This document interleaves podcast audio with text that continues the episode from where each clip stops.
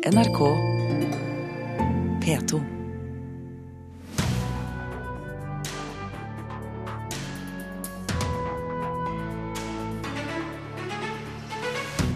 Norske etablerte medier er blitt de største produsentene av falske nyheter, sier Fremskrittspartiets Masiar Keshvari.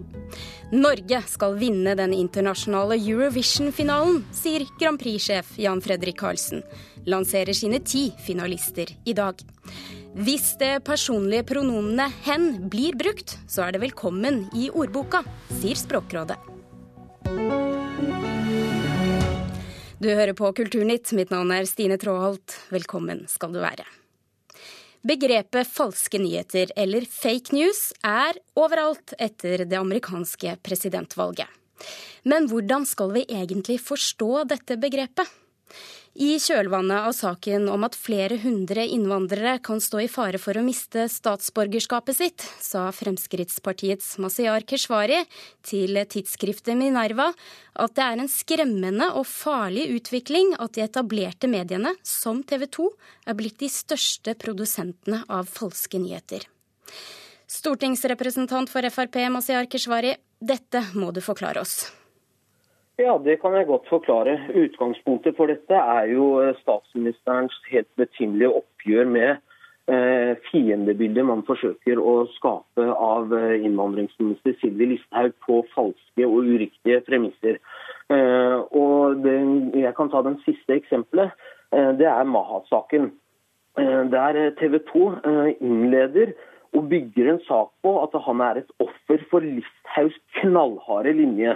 Dette er noe som går igjen i reportasjen, og er det etterlatte inntrykket. Når man ser hva som er realiteten og fakta i saken, så er altså statsborgerskapsloven, eh, som er utgangspunktet for den saken, den ble vedtatt i 2005 enstemmig av samtlige partier på Stortinget. Men dette... Selve saken om Mahad eh, starter sommeren 2014, eh, lenge før Sylvi Listhaug er statsråd eller noe annet. Eh, og sånn er det punkt på punkt på punkt. Og det å da fremstille saken som at eh, Mahat først og fremst er en offer for Listhaugs knallharde linje, det er det ingen dekning for. Det er et falsum. Eh, TV 2 hadde ikke anledning til å være med i denne debatten i dag, men vi tok et opptak med nyhetsredaktør Karianne Solbrekke, og hun sa dette til oss i går om din påstand. Falske nyheter, eller fake news, det er bevisst og overlagt løgn. Det er opp oppdiktede historier. Eh, det driver ikke TV 2 med. Hva syns du om eh, denne kritikken fra Akersvari? Jeg syns det er alvorlig at et eh, regjeringsparti som Fremskrittspartiet bare kan slenge rundt seg med beskyldninger om at vi driver med falske nyheter. Og jeg syns det er også veldig lite underbygget. Han slipper til med en påstand uten å underbygge den selv, og det reagerer jeg på. Er det sånn at dette er et begrep som nærmest for å, brukes for å mm, kritisere ting man ikke liker? Det er jo det man kan spørre seg, da. At det blir eh, så lett å komme med en sånn type beskyldning eh, når man er uenig. Og jeg tenker at eh, man skal i hvert fall kunne begrunne hva man faktisk mener. Og det mener jeg forsvaret ikke har gjort i den saken. Jeg forstår fortsatt ikke hva han mener. Han har bare slengt rundt seg med at de driver med fake news uten å understøtte det på noe vis. Og det etterlyser jeg i en sånn type debatt. At man må kunne begrunne så alvorlige påstander. Keshvari, er det en begrepsforvirring her på hva som egentlig er falske nyheter? Ikke i dette tilfellet. Den definisjonen hun bruker bevisst å, komme med, med, falske påstander. Eh, det er helt korrekt beskrivelse av hva TV 2 og deres journalist eh, har gjort i denne saken, og driver med på sosiale medier. De hevder at Mahad er offer for Listhaugs knallharde linje. Dette er en sak som overhodet ikke har noen verdens ting med Listhaug å gjøre. Hvordan vil du definere eh, falske nyheter? Hva er din altså, definisjon er på det? At det er usannheter, at man dikter opp ting. Og Det er ikke første gang det skjer, og det er ikke bare denne saken. Eh, når Listhaug på linje med mange mange andre politikere, kjente personer og til og med kongelige har vært med på en demonstrasjon av en redningsaksjon i, i, samarbeid med eh, Redningsselskapet, så forsøkte man altså å skape et inntrykk av at hun har gitt uttrykk for at hun vet hvordan flyktninger som eh, har det, og hvordan det er å, å legge på eh, flukt eh, fra andre land. Mm. Og Så går man og ser hva er det Listhaug sjøl sa. Og Da har man et sitat fra at hun sa du kan ikke sette deg inn i situasjonen som flyktningene er i. De har ikke fortsatt... overlevelsesstraff. Dette det er ikke mulig å sette seg inn i det. Hvem var det som skapte det inntrykket? Jo, da var det Dagbladet som i sin eh, ingress skrev fikk en smak på prøvelsene for båtflyktninger, lød ingressen. Og dermed så var det skapt et inntrykk at det er det statsråden har drevet med.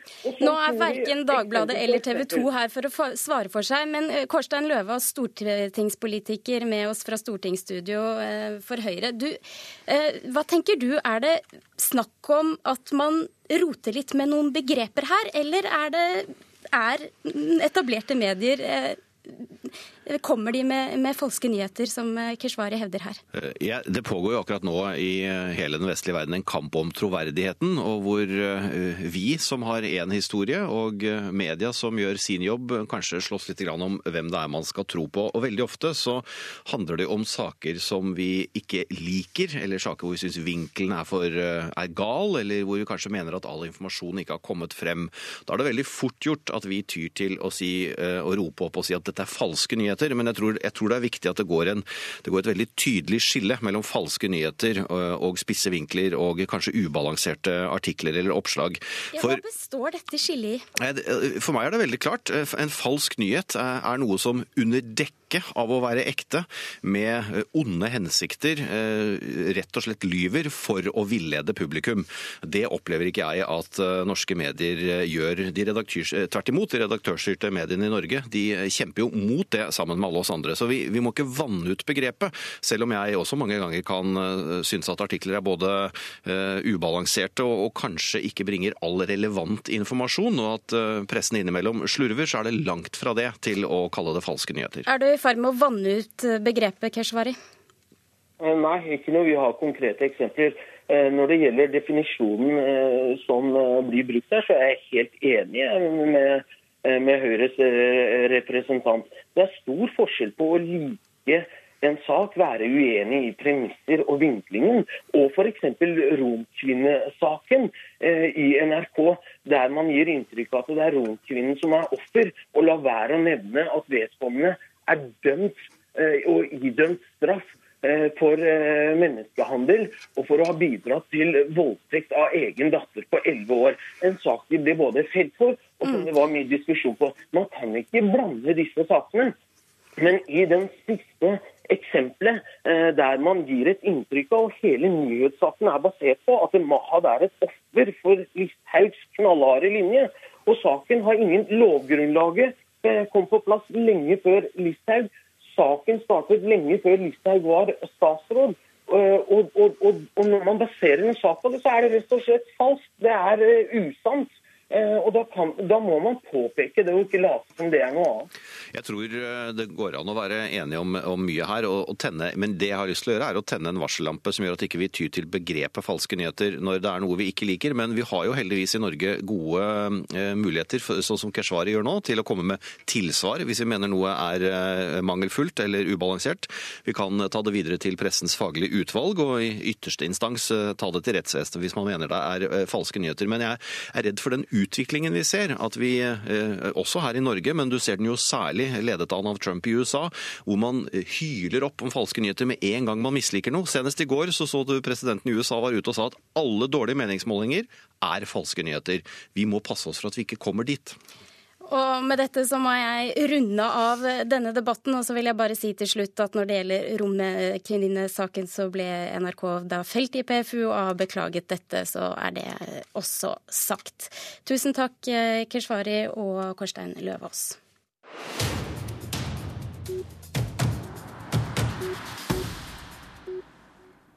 I går så fikk vi vite at Karin Hinsbo kapret den gjeve stillingen som direktør for Nasjonalmuseet rett foran Audun Eckhoff. Og i dag så står det i avisene at det var bare de to som kjempet om denne jobben, på tross av at søkelista inneholdt hele 13 navn.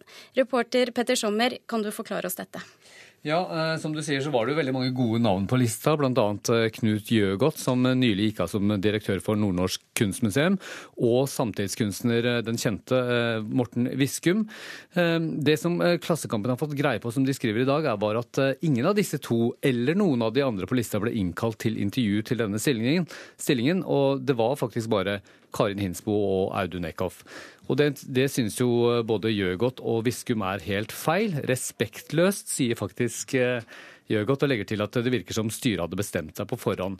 Men styrelederen ved Nasjonalmuseet, Linda Bernander Silseth, svarer at dette er slik topplederrekruttering fungerer i praksis. Og så skal vi gjøre et hopp til president Donald Trump. Eh, Siste nytt i føljetongen om hans forhold til pressen er at det nå er slik at det er mediene som tjener på all kritikken. Ja, alle disse presidentangrepene fører jo paradoksalt nok til at eh, avisene og mediene får flere eh, lesere og seere. Vi har jo nå hørt at eh, CNN mener at de blir boikottet av Det hvite hus, men nå er det kommet tall på at seertallene til CNN doblet seg i samme uke som presidentinnsettelsen. Og for eh, New York Times sin del så ble det rekord i antall nye digitale eh, abonnenter i etterkant av at Trump sa at avisa driver med falske nyheter for et par uker siden. Og så er det jo mer, nå flere som mener at Trumps kamp mot mediene faktisk har ført til at amerikanerne har begynt å innse verdien av uavhengig journalistikk, og er mer villig til å betale for det enn før. Takk, reporter Petter Sommer.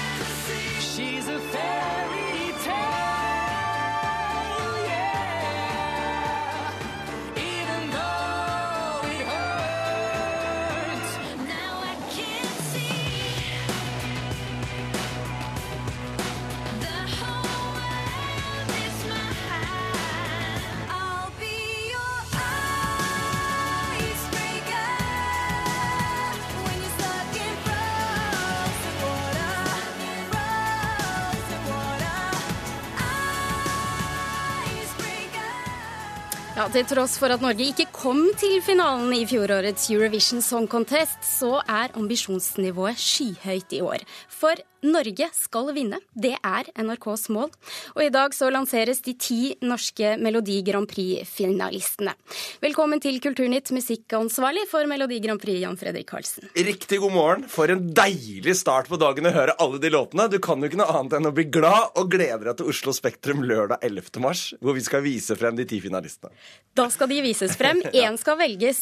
Men den som vinner, hvordan skal man vinne hele Eurovision Song Contest? Det er, ikke sant? det er jo det som er det helt fantastisk spennende med Melodi Grand Prix med Eurovision, at det fins jo ikke noe fasit på dette. ikke sant? Hadde vi visst fasiten, så hadde vi gjort dette hvert eneste år. Så det handler jo på en måte om å finne den derre miksen av en utrolig spennende, catchy, tilstedeværende låt, et eller annet som fanger deg med en gang, og at han er en artist som klarer å skape den magiske opplevelsen på scenen.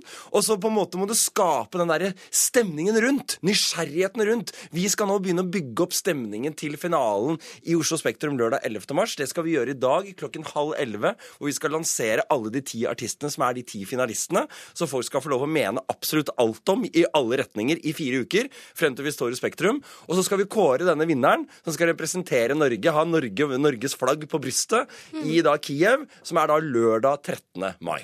Men du, en liten ting. For etter semifinalen i fjor så sa du at det var din skyld at Norge ikke gikk videre. Mener du fortsatt det? Det mener jeg fortsatt, fordi min jobb uh, er jo å være musikksjef for Melodi Grand Prix. Det vil si at jeg sammen med selvfølgelig en redaksjon, uh, og den er ikke så veldig stor, men en liten redaksjon, og vi involverer NRK P1 og P3. Det er veldig mange som etter hvert får lov å mene ganske mye om de kalde utvalgene. Vi har rekordår i år med 1036 låter som har kommet inn, så det er en ganske stor mengde låter du skal igjennom. Så er det på en måte allikevel mitt ansvar å presentere de ti låtene til det norske folk. Jeg tar det ansvaret, og det gikk helt fantastisk i Norge. Altså, Vi hadde over 1,3 Hva gjorde seere. dere feil da? Ja, men det kan du godt si jo, men da var det på et eller annet måte at vi klarte å bygge den stemningen, spenningen rundt den låten, den artisten. Og så kommer vi til Stockholm, Stockholm, og så treffer tydeligvis ikke den låta helt, da. Dessverre. Og da blir det jo i en eller annen form Noen må jo på en måte ta ansvar. Og jeg er jo en, eh, på en måte en eh, høyrøstet, enkel sjel fra landet som tar grip. Taper vi, tar jeg all skyld. Vinner vi, så har vi gjort det sammen. Men jeg vet at dere også har gjort noen andre grep bare enn at bare du skal ta skylda. Dere har satt i gang en internasjonal jury. Fortell Ja. litt om det. Inspirert av andre land, også Sverige, så, så har vi da hentet inn eh, en slags jury fra ti ulike land for å få en slags en følelse med hva er det Europa syns om det vi i Norge har. Og så skal de gi sin på en måte favoritt. De ulike landene skal på en måte stemme på sin favoritt. Og det vil være med da i stemmevektingen, men det er fortsatt det norske folk som bestemmer. Dette skal skje i den innledende delen av finalen 11. mars. Og så er det gullfinalen, så er det 100% nordmenn som bestemmer. Du, Jan Fredrik Karlsen, tiden løper så fort her, men én ting må jeg spørre deg om. For både TV 2 og Se og Hør har allerede erfart at Kristian Valen, Åge Steen Nilsen og Rune Rudberg er blant dine finalister i dag. Stemmer det? Altså, det jeg kan bare si, skru på NRK1 klokka halv elleve. Gå på det internasjonale internett klokka halv elleve. Da kommer alt sammen der. Og jeg gleder meg, og det er masse overraskelser. Og dette er gjenstand for diskusjon. Jeg håper jeg kommer til å komme tilbake hit. Og da skal jeg bare komme med en tilleggsopplysning. Altså Man kan faktisk skru på TV-en og nrk.no kvart over ti. Ja, kvart over ti, sorry. For Dere da starter sendingen. Da Dere ses vi begge to. før vi vi har vorspiel. Tusen takk, Jan Fredrik Karlsen. Du hører på Kulturnytt, og dette er nyhetsoverskriftene nå. IT-arbeidere i India jobbet med det norske nødnettet stikk i strid med sikkerhetsloven. Direktoratet kontrollerte ikke hvem som jobbet på nettet. Asylbarn som sendes ut av landet, får et nytt og bedre internat mens de venter. Hjelpeorganisasjoner er likevel skeptiske. Bare én av fem toppledere i de største norske selskapene her i landet er kvinner, viser en rapport fra Institutt for samfunnsforskning. Hvis du forsøker å slå opp det personlige pronomenet 'hen' i en norsk ordbruk, så finner du ingenting. Men i Sverige har ordet mellom han og hun vært inne i varmen allerede en stund. Nå gjør Arbeiderpartiet ordet aktuelt igjen, når de vurderer å tillate en tredje kjønnskategori i norske pass. Språkrådet sier at ordet er velkomment hvis det blir brukt. Vi har jo først og fremst eh, tilrådd at eh, hen blir brukt som eh, kjønnsoverskridende eh, pronomen hvis brukerne ønsker det. Sier direktør Åse Vetås i Språkrådet. Når det gjelder folk som da har en annen kjønnsidentitet, så syns vi det er eh, rimelig at vi skal akseptere at de ikke vil bli omtalt som han eller hun. Språket er jo det viktigste redskapet vi har for å bekrefte at vi er der, at vi er til, at vi er velkomne, eller i verste fall uvelkomne. Sier sexolog og transperson Espen Ester Pirelli Benestad, og applauderer nyheten om at Arbeiderpartiet åpner for muligheten for et tredje alternativ til kjønn i partiprogrammet sitt. Dette er jo et politisk prosjekt som blir et stort velkomment til mellom 1 og 2% av den norske befolkningen. Som hittil ikke har eksistert, for det har ikke vært noe ord som har passa for oss.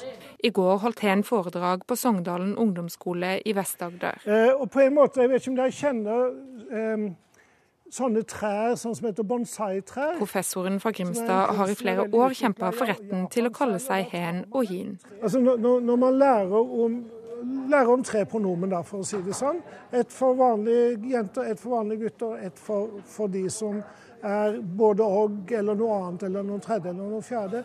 Så vil jo hver og en lære det, at det er noe der for meg også. Mens hen fikk plass i den offisielle svenske ordlista i 2015, er det ennå et stykke igjen før hen havner mellom to permer i en norsk ordbok. For at det skal skje, må ordet ha vært i jevn bruk over tid, sier Åse Vetås. Sånn at eh, vi er sikre på at dette er et ord som faktisk eh, fortjener plassen sin der. Vi følger først og fremst med på den utviklinga der er, og så får vi se både hvordan dette eh, utvikler seg videre politisk, og om det da blir praktisk behov for eh, en måte å omtale en sånn ny kjønnskategori på. Uansett har Espen Ester Pirelli Benestad bøyinga klar. Hen og hens. Eh, og du kan bruke hen der du ikke vet hvilket eller hvilket kjønn det dreier seg om. Og du kan bruke det der hvor, som et mangfoldig kjønnsord. Altså hen kan brukes på mange, mange, mange måter. Og, og vi skal ikke begrense bruken, fordi den hen skal brukes av den som trenger det. Og det vil skape henrykkelse.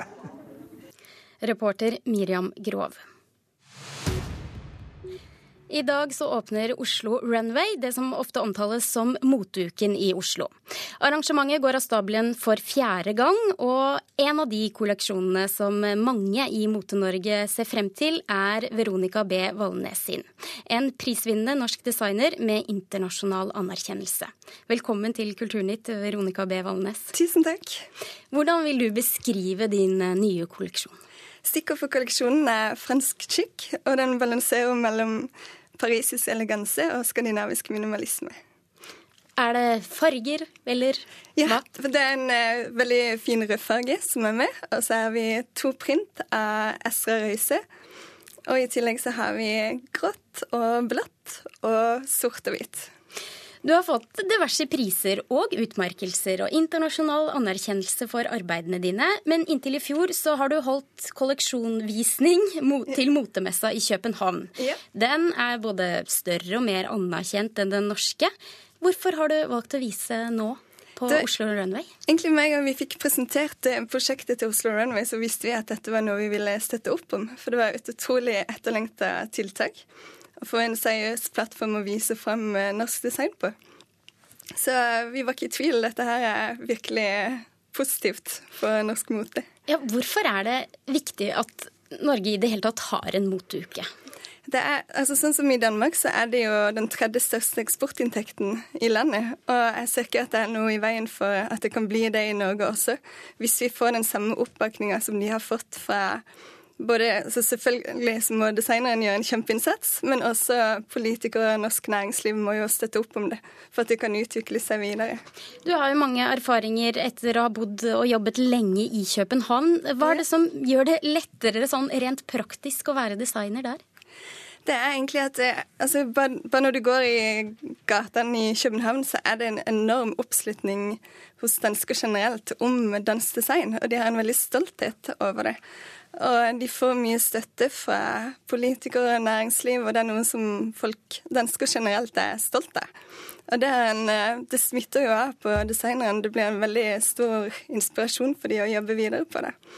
Ja, Men har egentlig Norge nok gode designere? Er utgangspunktet der, sånn som du ja, ser det? Men det, det. Altså, I løpet av de siste, bare de siste par årene så har det vært en enorm utvikling innenfor norsk design. Og vi har fått eh, ekstremt gode designere som er kommet på banen, og som virkelig kan markere seg internasjonalt.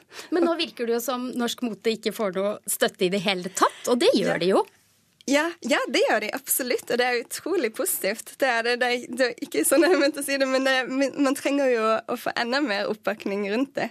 Fordi Og er det penger da, rett og slett, som Ja, skal til? rett og slett så er det sånn økonomisk støtte. Men vi ser jo det har vært en enorm utvikling bare det siste året på støtte fra norsk folk der generelt. Og norske butikker. Det er nesten sikkert 80 av de norske butikkene som selger norsk design.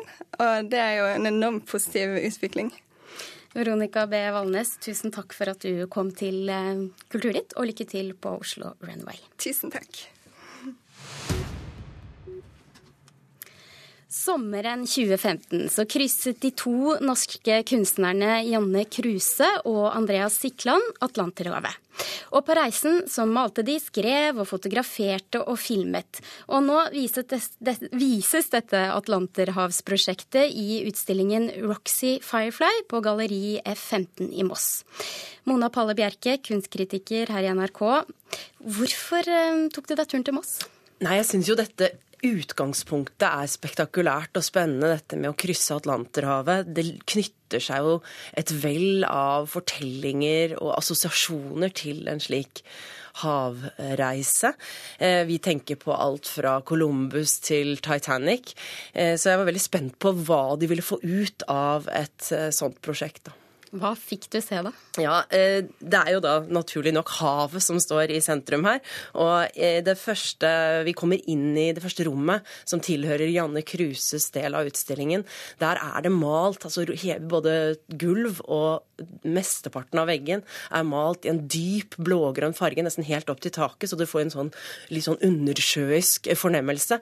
Og på gulvet er det flate, mørke skulpturer i metall som ser ut som stiliserte strømninger i vannet. Så har hun fotografert havoverflaten på forskjellige tidspunkt og montert det på store ark. Og så har hun tegnet under, og da ser det ut som hun har sittet på dekk. Jeg innbiller meg at det er sånn det har vært laget. stoppe deg litt opp, Ja. for vi har litt lyd fra noe eh, som hører til utstillingen. Så mens du forklarer nå, så kan vi, Vi høre om den det- kan ja. komme litt under. For det ser ut som hun har sittet og latt bølgene tegne for seg. Da. Så hun har en sånn, sånn virrete strek under disse havoverflaten. Og denne undersjøiske stemningen den styrkes jo av dette lydsporet som vi hører her, og som kommer fra en film der hun har ligget tidlig om morgenen og rett og slett filmet solspillet på veggen. Eh, mens vi hører vannet klukke under båten. La oss høre litt.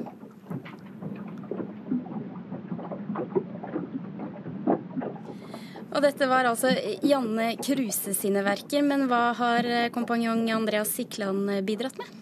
Han har jo da laget, ikke på selve båten, men etterpå, en enorm mengde gigantiske, nesten sånn tapetaktige malerier som han da stiftet rett på veggen, og så har han malerier ovenpå. Disse eh, tapetaktige maleriene har han jo da store border med bølgeformer i turk turkis, blått og grønt, og da maleri f.eks. med hvor nesten hele, eh, hele maleriet er bare hav, med en liten båt helt øverst, og horisonten går igjen her. Så det er veldig visuelt eh, appellerende, dette. Veldig sterkt. Men jeg tenker jo det at jeg savner bitte lite grann en tydelighet i hvor de vil hen, utover at de vil til Amerika. For det er et prosjekt der de da har malt om bord, de har latt seg inspirere av havet, men jeg, det er liksom ikke en tydelig idé for hva de vil vise oss, utover at de vil peke utover havet, og det er i seg selv igangsettende og fantastisk. Men jeg savner vel en, at eh, prosjektet har en litt tydeligere idé. Ja, så det er noen åpenbare svakheter her, men likevel oppsummert en bra utstilling. Oppsummert en bra og appellerende utstilling som får oss til å lengte ut mot havet. Og det er en sånn dyp og grunnleggende lengsel vi har, å sette seil ut mot horisonten. Tusen takk, kunstkritiker eh, Mona Pale Bjerke. Produsent for denne sendingen var Thomas Olverstein Ove. Nå får du snart Dagsnytt her i NRK P2, Alltid nyheter. Tusen takk for i dag.